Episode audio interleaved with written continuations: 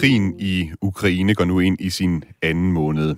Ukrainerne flygter, de graver skyttegrave og gemmer sig i beskyttelsesrum, eller også er de i kamp mod de russiske styrker. Og imens så tyder det på, at Europa og Vesten er ved at nå en grænse for, hvor meget vi selv er villige til at ofre for at hjælpe ukrainerne og straffe Vladimir Putin.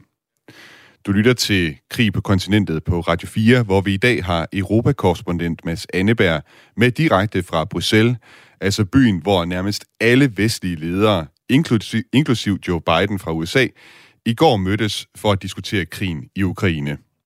Vi skal høre, hvad de vestlige politikere kan blive enige om at gøre. Vi skal også høre, hvad ukrainerne gerne vil have dem til at gøre. Og vi undersøger, hvad du kan gøre for at lægge pres på Putin. Du kan som altid sms ind undervejs i udsendelsen. Skriv ind til nummeret 1424. Skriv også gerne, hvad du hedder, og hvorfra i landet du sender din sms. Og øh, senere i udsendelsen, der har vi altså ukrainere med i udsendelsen. Blandt andet en kvinde, der er flygtet fra byen Mariupol i det sydøstlige Ukraine, den her meget udbumpede by. Og vi skal også høre fra en, der bor i en, øh, en mand, der bor i øh, Kiev. Øh, så hvis du har spørgsmål til dem, eller hvis du har spørgsmål til Mads Anneberg, så send os gerne en sms. Mit navn er Thomas Schumann. Velkommen til Krig på kontinentet. Vi starter altså i Bruxelles, hvor du sidder, Mads Anneberg, Europakorrespondent på Radio 4. Velkommen til. Tak skal du have. Hvor er det præcis, du befinder dig lige nu?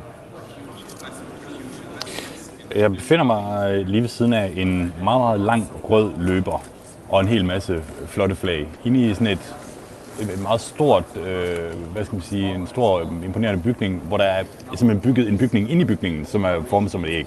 Og hvis man kender Bruxelles lidt, så vil man nok genkende det som der, hvor EU's stats- og regeringschefer, de mødes øh, cirka en gang i kvartalet. Og det er det, som de er i gang med her i både i går og, og i dag. Jeg sidder og har udsigt til, til den lettiske premierminister, som står og fortæller øh, journalisterne lige nu, øh, hvordan øh, deres møde med Joe Biden i går gik i så, så, så godt. Så det er, det er sådan cirka de rammebetingelser, jeg har her på udsendelsen. Jeg kan forstå, at der er knald på i Bruxelles i de her dage. Altså nærmest alle vestlige stats- og regeringschefer, de har været i byen og mødtes på kryds og tværs. Og alt sammen med et alt overskyggende tema, nemlig krigen i Ukraine. Og i mine øh, noter øh, her i studiet i Aarhus, der står der, at det drejer sig altså om et top, top, topmøde. Hvad skal det sige, Mads Anneberg? Jeg skal mig at sige, det er jo ikke den officielle betegnelse, man bruger her i Bruxelles. Men, øh, men det er jo meget rammende alligevel, altså fordi det er tre gange topmøde, som vi har haft, øh, især i går, hvor der tryk på kedlerne her i Bruxelles, hvor både øh, NATO-lederne mødtes til sådan et ekstraordinært topmøde, så var der et G7-topmøde, altså de her sådan syv store, rige øh, vestlige lande, der, der mødtes, og så var det altså EU-topmøde øh, ude på eftermiddagen som sådan den tredje og, og, og sidste sådan rosin i pølseenden. Så det, er det var jo en helt vild konfiguration af alle mulige, at du havde jo nærmest alle vestlige ledere samlet i en by på, på, på en dag for at diskutere et spørgsmål, nemlig Ukraine. Ja, ved vi noget om, hvad der er kommet ud af de her møder om øh, situationen i Ukraine? Ja, det gør vi. Altså, man kan sige, i øvrigt, så kan jeg jo nævne, at den helt store fisk i akvariet her, det har jo altså været Joe Biden, som jeg lige var inde på, før han, han var forbi øh, EU-topmødet her i går, selvfølgelig også øh, NATO-topmødet, der hele byen har sådan båret præg af, at han har været her. Ikke? Altså, øh, der, der har været øh, vejafspærringer i tid og utid, og øh, man har sådan kunne se hans øh, cortege køre forbi med, jeg ved ikke hvor mange trilliarder øh, forskellige biler. Ikke? Øh, hvad der rent faktisk er kommet ud af møderne, der, der er jo kommet noget ud af det. Øh, for eksempel på NATO-topmødet i går, jamen, så bliver man enige om, at vi skal jo kunne forsvare os selv bedre. Vi, er, øh, vi, vi skal være klar til den her russiske trussel, hvis det på noget tidspunkt skulle blive aktuelt, at den bliver rettet mod os i NATO. Så man sender flere styrker til nogle af de østlige medlemslande, øh, nogle lande faktisk, der øh, for tre ud af fire vedkommende grænser op til, til Ukraine. Og så begynder man lige så stille at forberede sig på, øh, at Putin måske kunne finde på at bruge kemiske våben i Ukraine eller mm. atomvåben, og, og hvad betyder det så, så for os? Så det er jo sådan en af de ting, der, der er kommet ud af det. Til gengæld, så må man sige, altså noget som ukrainerne kan bruge til, til deres øh, konflikt, deres krig øh, nu og her, det, det er der ikke kommet så meget af. Nej, der har jo været de her tre topmøder, som du taler om, uden at der egentlig har været sådan en konkret håndsrækning til ukrainerne, der altså kan få en betydning for konflikten så nu og her. Øh, er det din øh, fornemmelse, at vi i Vesten simpelthen er ved at nå en grænse for, hvor meget vi egentlig er villige til at ofre for ukrainerne? Ja, det vil jeg faktisk øh, gå så langt som til at sige, at det er helt klart min fornemmelse. Øh, vi, vi havde den så sent som, som i går aftes på det her EU-topmøde, hvor der jo var nogle af de østeuropæiske lande, der havde foreslået, at måske kunne vi stoppe med at købe russisk øh, olie, måske endda også russisk gas, fordi det er jo der, Vladimir Putin tjener alle sine penge, som han bruger øh, på, på, ja, for nu at sige det som det er, at bombe Ukraine. Øhm, det kunne der altså ikke blive enighed om, og på samme måde så kom ukrainerne ligesom også med en form for ønskeseddel øh, til NATO-topmødet, øh, hvor øh, altså, den ukrainske præsident også var med på, på et videolink omkring, at de vil gerne have, nogle, øh, have lov til at købe nogle kampvogne og nogle kampfly og sådan noget. Og igen, der måtte Vesten altså sige, det, vi, det kan vi simpelthen ikke. Altså, så, så vi er ved at nå øh, en form for grænse i hvert fald i forhold til, hvordan konflikten står lige nu, for hvad, hvad Vesten kan eller, eller vil øh, gøre og ofre. Og apropos øh, det her med olie og gas øh, med Sandeberg, så har vi lige fået et øh, telegram her, der handler om, at EU og USA har indgået en olie- og gasaftale. Der står i telegrammet, at EU og USA har indgået en ny aftale, der skal gøre Europa mindre afhængig af russisk olie og gas. Det oplyser det hvide hus i en pressemeddelelse. USA vil blandt andet arbejde for at sikre, at de kan levere 14 milliarder kubikmeter flydende naturgas til EU's markeder i 2022. Og vi skal altså i dagens program øh, se på kontrasten mellem, hvordan virkeligheden den ser ud i Ukraine, og hvordan det så ser ud i Bruxelles. Så vi vender også tilbage til dig senere, Mads Endeberg. Nu skal vi imidlertid et smut til Ukraine. Et af de steder i Ukraine, som har akut brug for hjælp, det er den sydøstlige by Mariupol. De fleste af indbyggerne de er flygtet, men der menes stadig at være omkring 100.000 civile i byen, der altså ligger mellem Krim og Rusland. Byen er uden strøm, vand, varme og mad. Jeg har nu forbindelse til en af de ukrainer, det er lykkedes at flygte ud af byen. Anastasia Krekina flygtede i sidste uge ud af Mariupol og er nu i Krivi Rig, der ligger vest for byen Dnipro. Anastasia, welcome to the program. Hello. Hello. Uh, thank you for taking the time to speak to me today. Um, while I'll do this interview, I'll translate a bit uh, to Danish so that uh, our listeners also understand uh, what you are saying here. First up, uh, Anastasia, you actually stayed in Mariupol for some time after the war broke out. What made you finally decide to leave? Um, in the beginning, we did not expect it to turn out like this, so we thought that maybe it would end in several days so we were not really considering leaving in the beginning, but then the situation was getting worse and worse. So uh, several days, I think five or four days before we actually left, uh, it was impossible to go out, even to go to a well to take water to cook outside because we had to cook on fire. Um, yes, it was uh, equally dangerous for us to stay in the city or to try our luck uh, and uh, try to go, get out. Mm. Det, som Anastasia hun øh, siger her, det er altså, at øh, de øh, ventede en del tid. Det var, der skete ikke så meget i starten af krigen, men så lige pludselig, eller lige så langsomt, så forværrede situationen så altså, og de begyndte at have problemer med, når de skulle ned og hente vand nede fra brønden til at, til at altså både at kunne drikke og hvad skal man sige, koge, koge mad i og så videre. Og til sidst så var situationen simpelthen øh, øh, så farlig i Mariupol, at det nærmest ikke gjorde nogen forskel, om de prøvede at flygte eller, eller blev i byen simpelthen. Uh, Anastasia, we've heard that there is uh, no water, no food and no heating and also no electricity in Mariupol. How did you manage to uh, survive while you were in Mariupol? Basically, there's nothing like no connection to the world, no water, no internet. We cannot call anyone, so we were in complete vacuum. We did not know if the world even is aware of the situation in our city uh, and why no one is coming to save us. Uh, I would say that people were helping each other there, and it was easy. Uh, I think we could, you know, stay longer helping each other without water, even though we had to go to well. Uh, we were surviving with food. We had at home, like in our storages. Shops were looted. Uh, the most dangerous thing was shelling. Det, som øh, Anastasia siger her, det er, at de øh, uh, leder altså uden forbindelse til omverdenen. De vidste slet ikke, om folk øh, ude omkring egentlig vidste, hvordan situationen var i Mariupol. Og ellers så prøvede de at hjælpe hinanden øh, i byen øh, og, og finde mad rundt omkring. Altså supermarkeder og så videre blev, øh, blev øh, simpelthen... øh, der gik øh, indbyggerne ind for at hente, øh, hente mad derinde. Og øh, Anastasia også tidligere fortalt mig, at øh, de altså også gik øh, rundt i, i lejligheder øh, og, øh, og hentede mad der fra folk, der var flygtet simpelthen. Uh, Anastasia, how did you try to stay safe from the from the shellings and bombings? Uh, we did not have shelters or special places to hide next to the place where we were staying, to my mother's apartment. So we didn't have any other choice than to just stay inside and hope and pray that we are not going to be the next to, you know, to be attacked. Fortunately, our house is still there, as far as I know. At least when we left, it was there.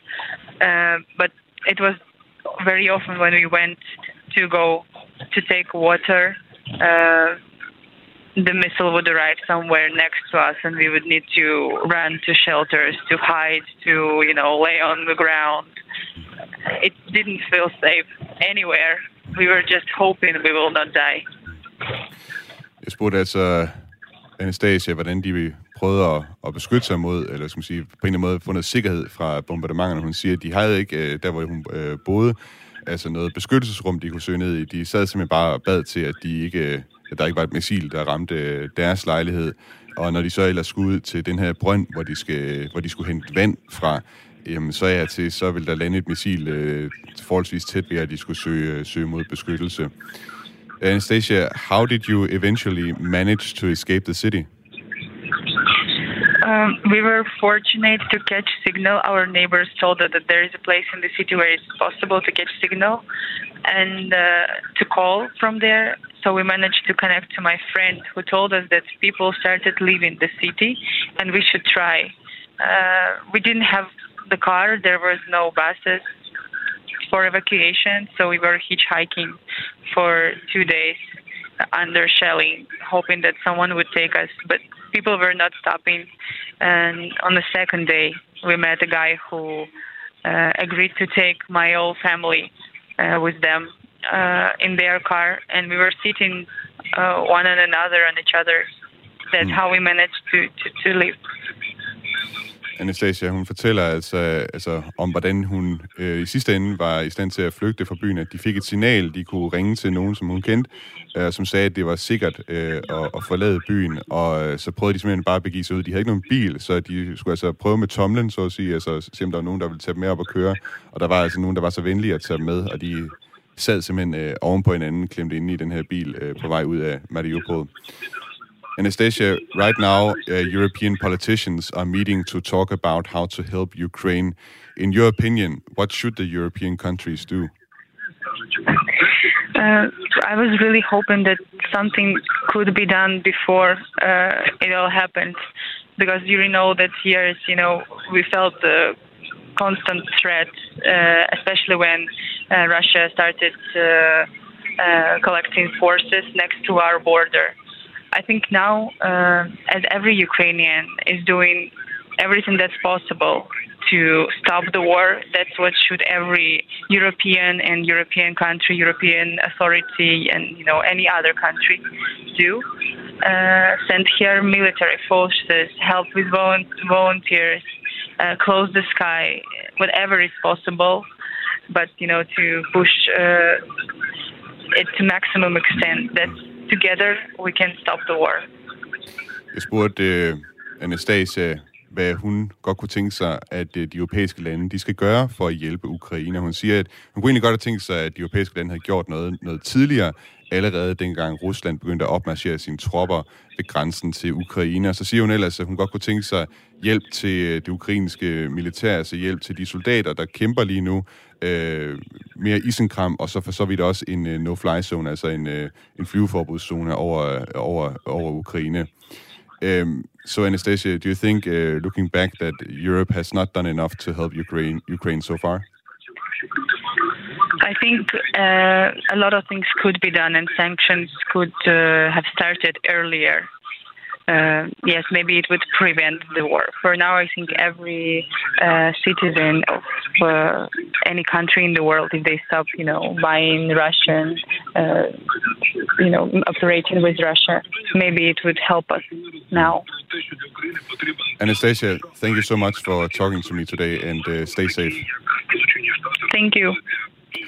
Det var altså Anastasia Kina, som øh, for nylig er flygtet fra Mariupol. Hun sagde her til sidst, at øh, ja, hun kunne godt have tænkt sig, at man tidligere var gået i gang med sanktioner. Det kunne måske have været med til at forhindre den her krig og at øh, de europæiske lande altså skal se at komme rigtig i gang med, eller hvad skal man sige, fortsætte sanktionerne, lægge mere pres. Det er noget af det, som hun mener vil kunne hjælpe Ukraine lige nu. Fra Kiev Rige, vest for Dnipro, hvor Anastasia befandt sig, så skal vi altså nu tilbage til Bruxelles, hvor øh, Mads Anneberg, vores europakorrespondent her på Radio 4, er. Og øh, den belgiske hovedstad er i de her dage altså epicentret for et væld af vigtige møder om situationen i netop Ukraine. Og en af de ting, der er blevet talt om, det er altså den europæiske afhængighed af russisk olie og gas. For det er altså ret ubekvemt, at vi i Europa er med til at pumpe den russiske statskasse fuld af penge, som Putin så kan bruge til at skabe blandt andet de ødelæggelser, vi hører Anastasia fortælle om i Mariupol. Mads Anneberg, øh, har EU-landene kunne enes om at ramme Putin der, hvor det vil gøre rigtig ondt, nemlig på olie og gas? Ej, det, det har de faktisk ikke rigtig kunne enes om. Altså, de er sådan set enige nok om, øh, som du siger, at det er ubekvemt og, og, og også lidt akavet måske, at vi øh, køber så meget russisk olie og gas og, og bruger som, hvad skal man sige, lægger så mange penge øh, hos øh, Vladimir Putin for øh, den her energi, øh, og, og er så afhængig af den, som vi er. Men da det kom til stykket, øh, der havde været lidt, lidt spænding om, hvorvidt man måske kunne begynde at, at snakke om sådan et, et, et stop for, for importen af, af, af russisk øh, bare olie. Mm, men så, så er der altså sådan nogle, nogle lande, øh, nu øh, kender du i Tyskland godt, Thomas Schumann, det er jo ikke mindst Tyskland, der ligesom så, skal ind og siger, at ved du hvad, det, det kan vi simpelthen ikke. Det kan ikke, øh, det kan ikke lade sig gøre. Vores, øh, vores lastbiler kan jo ikke køre på, på, på luft. Altså, øh, så vi, altså, det, det, det er nødt til at være noget, vi, prøver at, at gøre på et senere tidspunkt, og ikke lige nu. Du og andre danske journalister, I mødtes jo i går efter, undskyld, i går eftermiddags med statsminister Mette Frederiksen, som jo også deltog i både NATO og EU-topmødet. Øh, og I spurgte altså blandt andet ind til det her med sanktioner, og om hun kan forstå, hvis ukrainerne de bliver sådan lidt skuffet over, at der efter alle de her vigtige møder i sidste ende ikke vil være så meget at vise frem. Øh, for det første vedtog vi jo omfattende sanktioner med meget, meget høj hast øh, allerede for knap en, en måned siden, og har valgt at udbygge dem af hele tre omgange. Jeg mener så set, det er den rigtige måde at gribe sanktionsarbejdet an på, at øh, når vi så ser øh, behovet for yderligere sanktioner, så lægger vi dem på, og det er ikke nødvendigvis øh, direkte afstedkommet af et topmøde. Det kan også finde sted øh, på grund af enten øh, ting, der foregår i, i Ukraine, eller, eller øh, øh, de beslutninger, vi træffer. Mads Anneberg, hvad fik du af indtryk af den danske holdning til, om man skal gå endnu hårdere til Rusland? Jamen, det, det spørger nok, fordi i princippet så øh, virker den danske regering til at være klar til at gå rimelig langt, og også noget længere end, øh, end, end der, hvor vi er nu, øh, for at øh, hvad skal du sige, straffe Putin, hjælpe ukrainerne. Øh, øh, altså blandt andet, så, så kunne den danske regering godt være okay med det her med, at vi ligesom øh, laver et, et stop for køb af russisk olie, men man, man lurer passer lidt. Altså blandt, på, på det her og på andre områder også, øh, når det kommer til for eksempel fredsbevarende styrker, øh, som, som nogen har foreslået, at man skal sende ind i Ukraine. Man er, man er klar nok på det, men, men det skal være nogle andre, der, der, der trækker læsset. Så, øh, og i forhold til det her med den russiske olie og gas, jamen, det var der simpelthen bare ikke øh, opbakning til i går. Øh, der er sådan lidt en, en stemning af, at, at sanktioner mod Rusland skal helst ikke, helst ikke gøre for ondt på os selv. Den, den belgiske premierminister formulerede det sådan, at vi er jo ikke i krig med os selv. Altså, mm. Så hvor, hvorfor, skulle det, hvorfor skulle det gå ud over os? Så, øh, så, så det bliver altså ikke til noget, men, øh, men man kan sige, at den her... Øh, øh, så, så, så den danske regering kunne godt være klar til at gå længere, men Mette Frederiksen bør også med at gentage det her med, at øh, Putin er blevet meget overrasket over, hvor samlet Vesten er, og hvor handlekraftig Vesten er over for den her øh, invasion. Og hvor jeg til sidst, øh, ligesom, jeg synes, jeg var nødt til at spørge hende sådan, jamen, hvor ved du egentlig det fra? Altså, hvor, at, at Putin skulle være overrasket over, at, øh, at Vesten er, handlekraftig, fordi det er jo ikke, det har jo ikke fået ham til at stoppe i hvert fald. Lad os lige prøve at høre, hvad hun sagde til det. Du sagde flere gange det her med, at Putin er overrasket over Vestens, eller vores handlekraft. Hvor ved du det fra? Ja, det tror jeg, nej, det kan jeg jo ikke vide, men det, jeg sagde også, jeg tror, Øhm, øh, øh, jeg tror, Putin havde forventet noget andet. Jeg tror, øh, både Putin havde forventet et Ukraine, som man ret hurtigt kunne løbe øh, over ende. Øhm, og jeg tror, han havde forventet et, et Vesten, som ikke ville vise hverken den handkraft eller det sammenhold, som vi viser i dag. Det er historiske tider. Ja, det er nok svært at sådan gøre sig helt klog på, hvad der sker inde i Putins hoved øh, lige for tiden. I sidste uge, der hørte vi her i programmet om øh, de tre EU-ledere, som tog til øh, Kiev for at møde med øh, Ukraines præsident øh, Volodymyr Zelensky. Vi skulle faktisk også have talt med en af dem i dagens program, nemlig den slovenske premierminister Janis Jansa, men øh, det lykkedes os desværre ikke at, at få den aftale i hus til udsendelsen i dag. Øh, jeg ved, øh, Mads Anneberg, du spurgte Mette Frederiksen, om hun havde overvejet også at tage en tur til Kiev. Lad os lige prøve at høre, hvad hun svarede på det. Har du overvejet at tage dig ned, altså ligesom de, øh, dine kolleger, som har været i Kiev i sidste uge? Altså, øh, altså, fuld opbakning til de kolleger, der har, øh, der har været der. Øh, jeg vil selv være øh, lidt varsom med, kan man sige, at optage øh, ukrainernes tid med for mange besøg øh, udefra, vil jeg sige. Øh, men, øh, men fuld respekt for de kolleger, der har, der har været der. Jeg synes, det er øh, meget, meget, meget godt, når vi mødes i internationale fora. Øh, nu har vi gjort det både i EU og i NATO, at Zelensky kan deltage på en, øh, på en videokonference. Jamen, altså, Anneberg, det lyder ikke, som om hun lige er på vej forløbig med et tog til Kiev. Nej, jeg synes, det er meget sjovt svar, det her med, sådan, at øh, hun, hun vil gerne øh, hvad skal man sige, beskytte ukrainernes tid, og ikke, øh, ikke tage deres tid. Det er, sådan meget, det er en meget ydmyg holdning i virkeligheden. Øh, nu har jeg jo ikke direkte adgang til præsident Zelenskis øh, kalender, men øh, jeg, jeg tror da godt, han kunne finde tid til at mødes med den danske premierminister, hvis det, hvis, hvis, hvis det endelig skulle være. Ikke? Øh, men det er jo helt fair. Der er de her tre øh, øh hvad skal man sige, øh, ledere, som, som valgte at tage til Kiev der i, i sidste uge, som Mette Frederiksen også siger, det er jo det, er, det, er jo, det er jo dejligt, det er jo imponerende. Og den ene af dem, det er jo så ham her, Jannes Jansa, som, som øh, vi hørte fra i, i sidste uges program, som jo, hvad skal man sige, er, er fra Slovenien, og som kan huske fra, fra den, den jugoslaviske borgerkrig i, i starten af 90'erne, hvor, hvor ensomt det føltes at, at blive bekriget, ikke? Og, mm. og, og, der ikke kom nogen. Så, så det, det er jo sådan ligesom den øh, historiske dimension, der ligger i det. Men Sandeberg, der var også øh, andre ting på den ukrainske ønskeseddel forud for gårdsdagens øh, møder. Præsident Zelensky han var med på videolink hos både NATO og EU og mindede blandt andet om, at Ukraine stadig gerne vil have en hurtig vej til EU-medlemskab. Og de vil altså også gerne have, eller i hvert fald øh, købe kampvogne og kampfly fra NATO-landene. Hvordan er det gået med de ønsker? Ja, det gik ret dårligt, vil jeg sige. Øhm, altså det her med Ukraines vej til et EU-medlemskab, det er jo lidt en...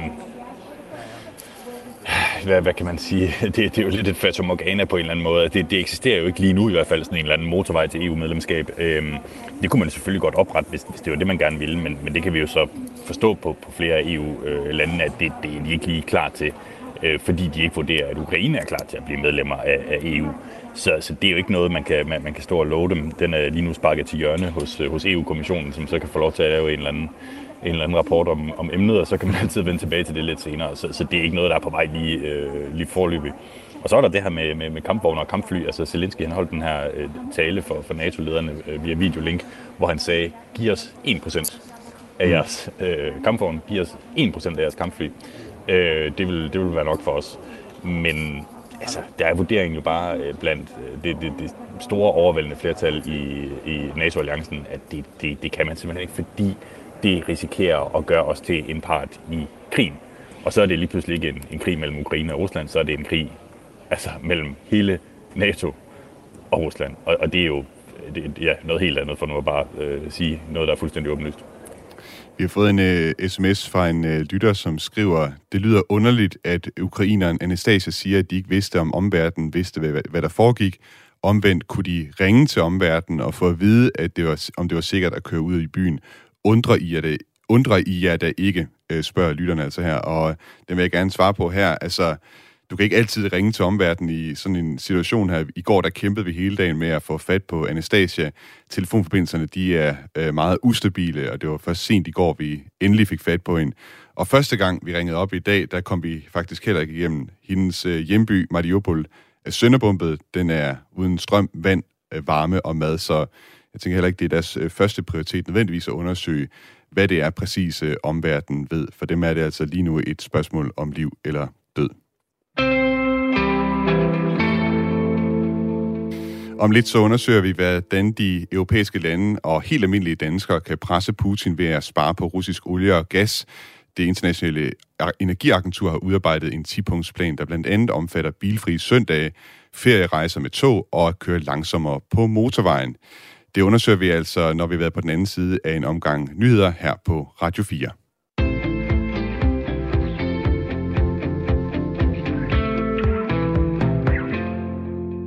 I Bruxelles mødes verdensledere for at diskutere, hvad den vestlige verden kan gøre for at hjælpe Ukraine i deres forsvar mod Putins invasion af landet. Mange lande i Vesteuropa er fedtet godt ind i russisk olie og gas, og det vil altså gøre ondt på dem økonomisk, hvis de skal stoppe for importen.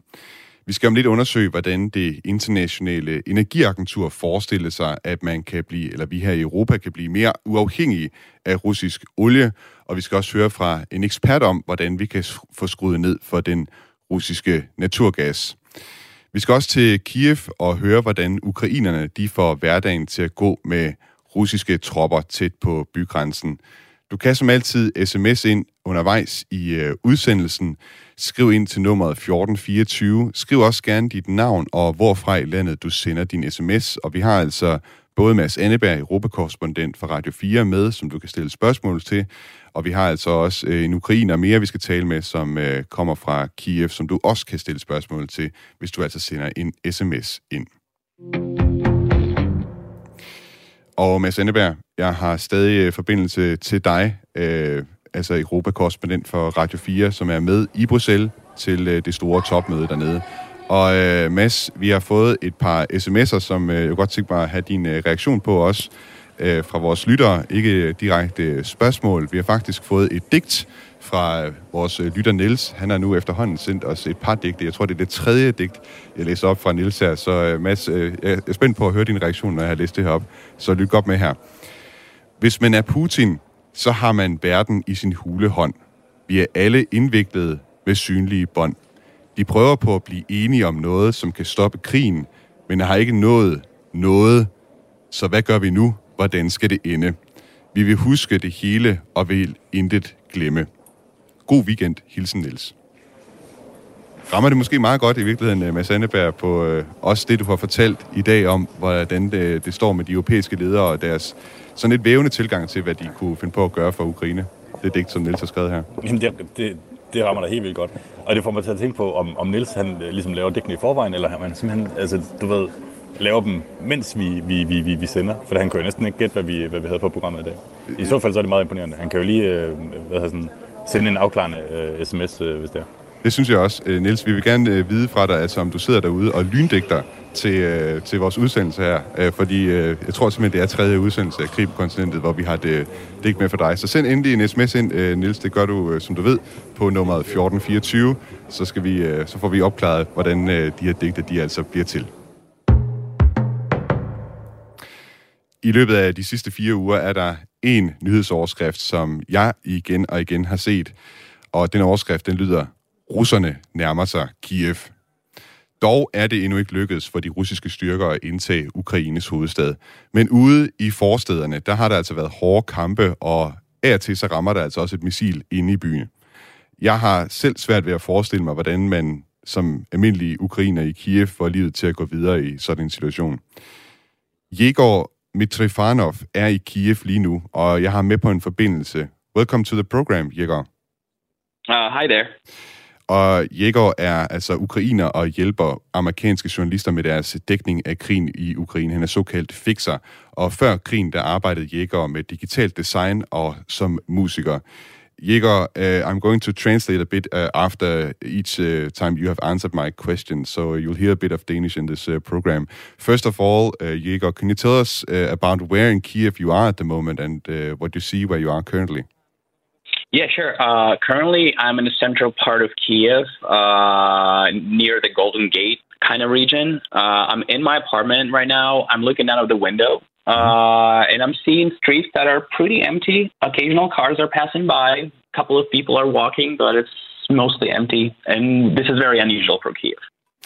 Igor, han fortæller her, at han er i det centrale Kiev. Han er tæt ved det, der hedder den gyldne port. Han er i sin lejlighed og kan kigge ud på gaderne, som er altså rimelig tomme. Det er ret usædvanligt uh, for Kiev normalt. Igor, uh, many people have fled Kiev, but there are still people there who uh, have to live with the threat of the Russians attacking the city.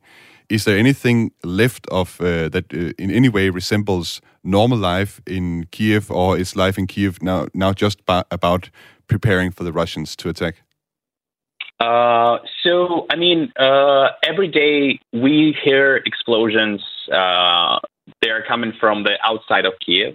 So Kiev is not. There are no Russian troops in actual Kiev, but they are outside the city. Mm-hmm. Uh, but the city has not been invaded. People that stayed here. Uh, I mean, uh, I've interviewed some people with my colleague, uh, not colleagues, but friend journalists uh, yesterday. and some people stayed, uh, and they basically spend uh, time at home with their families, the ones who didn't leave. Uh, some of them cannot work right now because they're, you know, businesses, most of the businesses don't work. But I mean, some cafes are open, maybe like two or three cafes that I know in Kiev are open where you can get coffee mm-hmm. and maybe some food. Uh, some stores are open, not every store, but some stores are open. You can get some pharma- pharmaceuticals at pharmacies, but it, you'll have to p- probably search well for what you need because not everyone is open. And I mean, I do see occasional people walking in the streets, but I wouldn't say the life here is like normal. Mm. Uh, I being here, I see like there is no place I can really go except for go outside for a walk mm. if I want to do that. But other than that, nothing really else. Jæger, han øh, fortæller her, at øh, de kan altså høre eksplosioner i øh, normalt, øh, det er en del af hverdagen i øh, Kiev, men de kan høre de eksplosioner. Der er altså ikke øh, russiske styrker, der endnu er trængt ind i øh, Kiev. Og ellers så bruger folk en masse tid øh, derhjemme. Der er nogle enkelte forretninger og sådan noget, der har åbent. Der er også nogle caféer, hvor man kan få sig en kop kaffe, hvis man, hvis man vil det. Men ellers så er det rimelig tomt, og folk de bruger altså tid på at, at, at gå ture øh, rundt om i, øh, i Kiev. Øh, Jæger, øh, I guess in, in a situation like this, it's a bit hard for necessarily for people to to earn money uh, and and to necessarily pay for food, especially if you've fled uh, from somewhere else. How do people acquire uh, food and other things they need? Sure. Uh, so, uh, I mean, there's several types of people. Some of the people maybe had savings, and people who had some savings, they are, you know, acquiring food from, you know, buying it using their savings, people who cannot, cannot work. Some people who work in the like IT industry or people who work with foreign companies probably are able to work. Uh, some of the of my friends that uh, they evacuated from Kharkiv region, from the east of Ukraine, where the bombings are just very bad.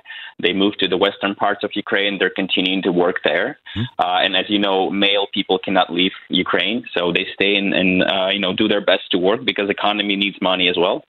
Uh, and people who are left without money, uh, they are being helped by volunteers here uh, a lot. Like a big amount of people are volunteering every single person that I know, like in Ukraine, every single person does something. Like people donate, uh, or they ask people from other countries to donate if they have friends there. Uh, people use their cars to drive around the volunteers or drive around humanitarian aid, bring food to people, like retired people, to their homes and things like that. So everybody gets food. Nobody is starving. Uh, just a matter of you know people helping each other out. Igor, han øh, fortæller her, at øh, folk de enten bruger deres opsparinger til at kunne øh, betale sig til, til mad og de ting, de har brug for. Der er faktisk endda folk, som stadig har arbejde, altså folk, som, som han selv, der også øh, før krigen gik i gang her, var digital designer, folk, der arbejder for virksomheder ude i, i verden, de kan stadig over i det vestlige Ukraine i hvert fald sidde øh, på kontor og arbejde, passe deres arbejde på den måde tjene penge. Og ellers alle dem, som ikke har pengene til det, de bliver hjulpet af frivillige. Der er folk, der kører rundt i uh, Kiev og deler mad ud til dem, der har brug for det. Der er altså ikke folk, der sulter i uh, Kiev, som det er lige nu. Uh, Jaeger, there has been intense fighting in the suburbs of Kiev, and missiles have mm-hmm. struck within the city as well. How do people yes. handle living with uh, fighting so close to them? So, uh, one of my friends who stayed in Kiev since the beginning of war, uh, he told it. He told me that he learned how to distinguish the type of like artillery that's being, you know, that's bombing the city right now. Oh. Uh, and uh, I mean, I guess in the very beginning, it was really scary, and people would hide um, in the subway or in the bomb shelters. We have a lot of bomb shelters here. But after a while, we kind of see that, you know, the central part of the city is not being destroyed. It's mostly the outskirts of the city that are, you know, are being hit with missiles. So people uh, kind of get used to it, I guess. And, uh, you know, you hear airstrike every like several hours a day. Uh, there's an airstrike alarm, so you're supposed to go, you know, into the basement and hide. Uh, I personally don't do that every time. Uh, I kind of, you know, I just rely on luck, I guess, which is not very smart of me. But uh, yeah, so people, I mean, uh, some people hide. Some people, uh, probably younger people, you know, are used to it and they kind of know what to do and just, you know, go on with their lives. Mm. Jæger, han fortæller her, at øh, folk de er simpelthen efterhånden lært at kunne skelne mellem, hvad det er for noget artilleri, der bliver brugt, øh, og ellers så lever de simpelthen bare med, at der altså konstant er luftalarmer, og øh, er nærmest på en eller anden måde også blevet lidt, øh, lidt vant til det. Uh, Jæger, final question. Um, what, do, what do you and people around you think that Europe should do to help the people in Kiev and, and Ukraine? Well, first of all, I want to thank uh, European Union for uh, you know for letting people from Ukraine come and stay there and like helping them, giving them aid. That's very very helpful. Uh, and uh, in terms of here, like I would really like for you know Europe to help us, you know, support us with um, humanitarian aid, uh, you know, supplies, food, med- medicine, because in a lot of parts of Ukraine that stuff is lacking, and a lot of our uh, factories that produce that stuff cannot work right now. So we really rely on uh, stuff coming from European Union, and also things like um, for the army, like uh, vests are very important, like protective vests and helmets. They're very hard to find uh, in Ukraine. You cannot almost find any, and our you know our defenders need them. So uh, you know if anybody can help with those, send those over to Ukraine. That would be very helpful. And just in general, if if Europe could help us uh, somehow with you know with just some equipment or military equipment, that would be great because you know we've been being helped, and uh, that you know that really supports us a lot. Jæger, han siger til at starte med, at han er meget taknemmelig for, at man har taget imod øh, de flygtninge, der er kommet fra Ukraine fra europæisk side. Og så øh, siger han ellers, at man skal sende øh, fra europæisk side, der kunne godt tænke sig øh, humanitær hjælp. Øh, de har altså ikke øh, det begrænset, hvor mange fornødenheder de har i Ukraine for tiden. Han synes også, en, en ting er vigtig som øh, veste og hjelme til dem, der forsvarer Ukraine og i det hele taget mi- militært øh, isenkram. Jæger, thank you so much for uh, yeah. joining the program today and, and stay safe in Kiev. Yeah, thank you so much. Happy to be a part of it. Thank you. Det var altså Jigor Mitrofanev, som vi havde med fra Kiev.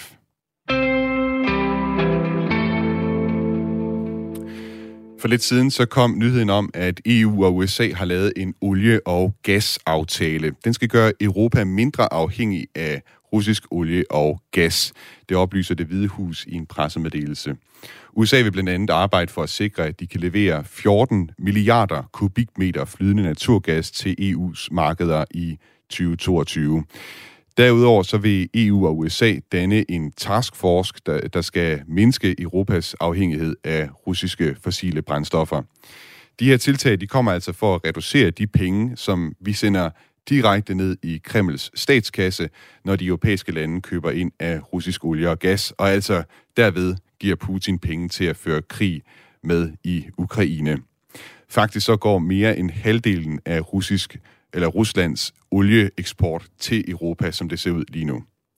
Også det internationale energiagentur har haft travlt med at undersøge, hvordan medlemslandene kan gøre sig fri af russisk olie efter Ruslands invasion af Ukraine. Det internationale energiagentur fungerer som en tænketank, der for eksempel arbejder med at sikre stabil og tilstrækkelig forsyning øh, olie til de godt 30 medlemslande, og Danmark er blandt de medlemslande. Og agenturet har altså udarbejdet en 10-punktsplan, som kan vise, hvordan vi kan gøre os uafhængige af russisk olie. Blandt andet så foreslår de, at vi kører lidt langsommere på motorvejen, altså vi kan sænke farten med mindst øh, 10 km i timen. Det vil gøre noget. Vi kan arbejde, arbejde hjemmefra, gerne tre dage om ugen, så sparer vi også derved køreturen hen til arbejdspladsen.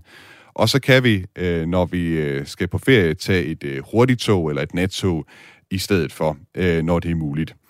Vi har sendt journalist Benjamin Munk ud på gaden i Aarhus for at prøve nogle af de her idéer af fra det internationale energiagentur på de folk, som han mødte ude på gaden. Hvad synes du om den idé, altså at sænke farten med 10 km i timen på, på motorvejen? Det kan jeg da godt forestille mig. Det skal ikke være en lov, der kommer. Det skal være op til folk selv.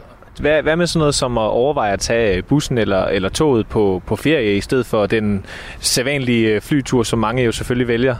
Nej, ikke lige på ferie, men nu er jeg faktisk øh, i Aarhus nu, og øh, bor i Odense, så jeg har taget toget i dag, i stedet for at køre i bil. Så det skulle folk prøve. På et tidspunkt så prøvede jeg, jeg tror det var sidste år eller forrige år, der prøvede vi at finde ud af, om vi kunne tage tog til Nice, altså hen i Sydfrankrig. Ikke?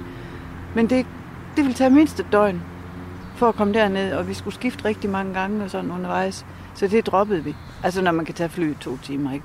Men jeg vil rigtig, rigtig gerne overveje det. Bruge toget meget mere. Meget. Hvad med sådan noget som at tage tog eller bus på ferie i stedet for flyet? Jeg, jeg tror, at det, altså, det er for langt væk for mig til at tænke, at jeg gør en forskel ved at tage bilen eller toget i stedet for at flyve. Ja, Energiagenturet vil også gerne have indført en øh, gammel kending, nemlig bilfri søndag i byerne. Og det forslag faldt umiddelbart i god jord hos en kvinde, vi talte med, da vi var ude og teste nogle af de her punkter af på folk. Det ville da være dejligt, hvis jeg ikke selv bil, så kan jeg jo bedre komme til på min cykel. Og også øh, fodgænger, ikke? Det, det tror jeg sagtens kunne lade sig gøre. Altså, jeg tror, at folk, øh, som har bil, de bruger den meget mere, end de egentlig behøver. Helt ærligt, tror jeg faktisk. Jeg er ret overbevist om. Hvad siger du, Agathe? Tror du ikke også, de bruger den meget Jo, det tror jeg også, man gør. Ja. Ja, ja. Jeg tror også, man kommer til at bruge. Og for eksempel din morfar, de har to biler. Måske kunne de godt undvære Ja, det kunne jeg godt, de kunne nogle gange. Ja. Så kunne de godt undvære en bil. Ja, mine forældre, de har også to biler, så det kunne også være, at de skulle overveje at droppe den ene bil. Nå, men nu er det altså ikke kun olie, vi importerer fra Rusland. Vi importerer, vi, undskyld, vi importerer også en masse naturgas. Paul Alberg Østergaard, velkommen til Krig på kontinentet her på Radio 4. Tak skal du have. Du er civilingeniør og Ph.D. i energiplanlægning på Aalborg Universitet, og du beskæftiger dig altså i din forskning særligt med naturgas.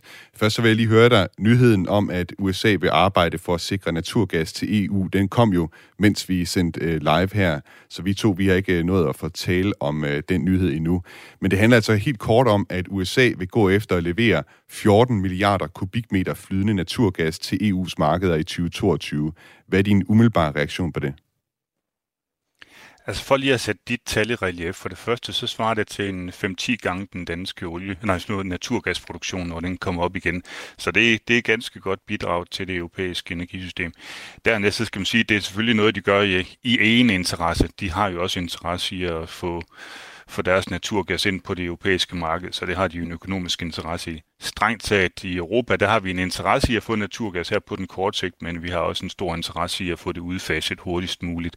Så det skal helst ikke være en sovepude, vi bare bliver ved med at bruge. Så i en uh, kort overgangsordning, der er det meget godt, men problemet er jo selvfølgelig, hvis du begynder at sætte alle mulige infrastruktur op til, til LNG rundt omkring i Europa fra mm. USA, så kan du godt få sådan en effekt, hvor vi så binder os lidt for meget til det. Så det skal, det skal vi passe på med. Mm. Og LNG for lytterne derude, det er altså flydende naturgas, som man vil så sejle henover fra USA til, til Europa. Danmark får jo, ja. øh, som det er lige nu, størstedelen af sin naturgas fra det russiske statsejede energiselskab Gazprom. Øh, kan vi øh, og nu hører vi om det her tiltag fra det internationale energiagentur, altså 10 punkter, øh, som de har foreslået for, hvordan vi kan gøre os mere uafhængige af russisk olie. Kunne vi øh, sådan her i, i radioen mere eller mindre måske komme på nogle punkter til, hvordan vi kunne gøre os mere uafhængige af den russiske naturgas? Det kan vi sagtens. Altså, vi har 400.000 boliger i Danmark, som er opvarmet ved hjælp af naturgas. Så de skal i videst muligt omlægges til fjernvarme. Der er nogle byområder, for eksempel rundt om København, der er nogle store områder, men faktisk har naturgasforsyning, til trods for, at du er i sådan et rimeligt bynært område, som normalt vil betyde, at, det er potentiale, at der er potentiale for fjernvarme. Så der skal vi have lagt over på fjernvarme. De steder, hvor der ikke er fjernvarme, eller der, hvor det ikke er muligt at lægge det, der skal vi have nogle individuelle varmepumper. Det vil så også sige, så skal vi have noget mere elproduktion ind i systemet, og det skal komme fra noget vedvarende energi. Så parallelt med det skal vi have nogle flere solceller, vi skal have nogle flere vindmøller ind i systemet. Så, så vi ved for så vidt godt, hvad vi skal gøre for at, at lægge boligerne om. Så har vi industrisektoren. Det står nok for det, det største energiforbrug af naturgas i Danmark. Så der, er du, der har du nogle af de samme problemer, som du har i boligsektoren. Du har noget opvarmningsbehov. Der er noget af det, det kan du dække med varmepumper eller fjernvarme. Altså det kan være opvarmning af lagerhaller, det kan være produktion af, af damp i fødevareindustrien. Det behøver ikke nødvendigvis at være ved specielt høje temperatur. Det er noget, vi kan lægge om til noget el. Så har du nogle højtemperaturbehov. det er teglværksindustri, øh, det er glasuldproduktion, rockwoolproduktion, den slags. Der har du brug for et brændsel. Der, der skal vi have noget biogas ind mm. i det system. Og, og i Danmark, der har vi en stor biogasproduktion, der dækker omkring 25 procent af vores gasforbrug. Og, og det kan du godt øge. Så vi skal øge biogasproduktionen, vi skal have mere vedvarende ind i energi ind i systemet, vi skal have varmepumper, vi skal have fjernvarme. Så, så vi ved godt, hvad vores øh, løsning er rundt omkring. Derudover besparelser selvfølgelig. Altså jo mere vi kan spare, jo mere vi kan isolere vores boliger, jo mere vi kan energioptimere vores industri, mm. desto bedre. Det lyder så også som noget, der tager noget tid at få implementeret alle de her løsninger, varmepumper og så videre, og øh, isolering, øh, alt det du nævner her, og øh, måder at spare på gassen. Øh, der er jo også folk, der presser på, at vi simpelthen fra den ene dag mere eller mindre til den anden skal få lukket for hanen, og der er samtidig også øh, truslen om, at Putin han faktisk lukker fra den ene dag til den anden. Er det realistisk, at vi sådan med et slag kan, hvad hedder det, øh, kan simpelthen afskære os fra russisk gas? Altså de ting, jeg sagde, det er jo selvfølgelig noget, der tager år at omlægge. Det er jo noget, der tager 5-8 år eller sådan noget, hvis man skulle gå all in for det. Uh, hvis, man nu får, hvis man nu tænker på det tankeeksperiment, at vi lukker fra dag 1, Jamen for det første, så Rusland, de står ikke for alt øh, øh, gasproduktionen i Europa. De står for omkring en tredjedel af det europæiske marked. Så resten, det er noget, der kommer internt i Europa. Her tæller jeg også England og Norge med. Norge, det er en rimelig stor gasproduktion. De har en femtedel af det europæiske marked. Så vi har nogle interne producenter. Så, men en tredjedel, det vil forsvinde, hvis vi lukkede umiddelbart. I Danmark har vi den situation, at vi har nogle prioriterede øh, hvad er kunder, så boligerne, de er prioriteret. Så hvis der skete noget i Danmark, jamen, så ville det være industrien, der skulle holde mm. for. Men uh, jeg kan se, jeg har lige fået en nyhedsmail fra Energistyrelsen i dag om, at, uh, at der er mange industrier, jamen, de er i fuld gang med at lægge om fra, fra, hvad hedder det, fra naturgas til for eksempel varmepumper okay. til at opvarme lager eller sådan noget. Yes, men i gang. Så, men industrien, den vil komme til at holde for. Mm. Og vi talte også sammen i, i går, uh, Paul, hvor du sagde noget, jeg synes, der var meget interessant, og det er, der har været den her også, det her spørgsmål, om Putin kunne finde på at, at lægge, uh, lukke gassen for os, hvis han bliver rigtig uh, sur på os. Det, det fortalte du mig om, at det har han faktisk ikke nødvendigvis så meget interesse i. Hvorfor er det, han ikke har det? Det, det er jo et tvækket svær. Altså, han har ikke en interesse i at fremme vores omstilling. Altså, vi er jo i forvejen i gang med en grøn omstilling, hvor vi skal udfase naturgas. Rusland har absolut ikke en interesse i, at den bliver fremmet ud fra en militærøkonomisk synsvinkel, der har de det for så vidt heller ikke. Altså, det, vi, vi finansierer jo deres øh, kamp i Ukraine pt. Mm. Så de har ikke nogen interesse i det. Det kan godt være, at de kan tro med os, og jeg kan det fuldstændig, jeg vil heller ikke fuldstændig udelukke, de kunne finde på at gøre det, men jeg synes ikke, det er i deres interesse at lukke for naturgas, eller at uh, skabe tvivl om deres naturgas, for det, det kommer til at ramme dem selv mindst lige så hårdt, som det kommer til at ramme os. Paul Alberg Østergaard, tak fordi du vil være med i øh, Krig på kontinentet i dag. Jamen, det var så lidt. Altså civilingeniør og Ph.D. i energiplanlægning på Aalborg Universitet. Jeg er stadig i forbindelse til øh, Radio 4's Europakorrespondent Mads Anneberg, som er med live fra Bruxelles, og øh, Mads, øh, det er jo ikke så lang tid siden, du kom hjem efter en øh, måneds ophold i Ukraine. Og nu har vi altså hørt fra nogle ukrainere her i udsendelsen i dag. Øh, hvad fortalt, øh, hvad var det indtryk, du fik fra ukrainerne, da du var nede i Ukraine, om hvad de ønskede sig fra Europa som støtte i krigen med, med Rusland? Altså, jeg kan da starte med at sige, at der var nogen, der nævnte det her med, altså, at de ikke helt kunne forstå, hvorfor Europa hmm, hvad skal man sige, ikke, øh, ikke bare lige kunne øh, knibe ballerne sammen og så gøre sig uafhængig af russisk energi, altså olie og, og gas. Øhm, det, det, det, der ligger på bordet i EU lige nu, det er jo, at øh, man har en, en hensigt om at gøre sig uafhængig af russisk energi så hurtigt som muligt. Men, men det er jo sådan noget, altså det, det, det, det eneste tal, jeg har set på det, det er sådan noget 2027. Og der, der, kan, der kan man jo nå mange øh, krige i Ukraine i mellemtiden. Så, så, så det, det er en ting, altså, hvor, hvor, hvor ukrainerne jo øh, godt kan se det sådan lidt paradoxalt i, at, at vi er på deres side, men leverer en masse penge til, til russerne.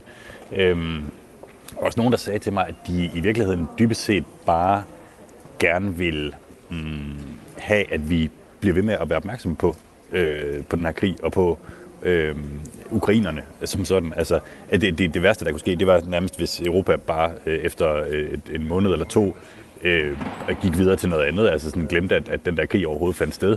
Lidt ligesom vi jo har, øh, tillader jeg mig bare at sige, på alles vegne øh, med, med den krig, der foregik i det østlige Ukraine øh, siden 2014.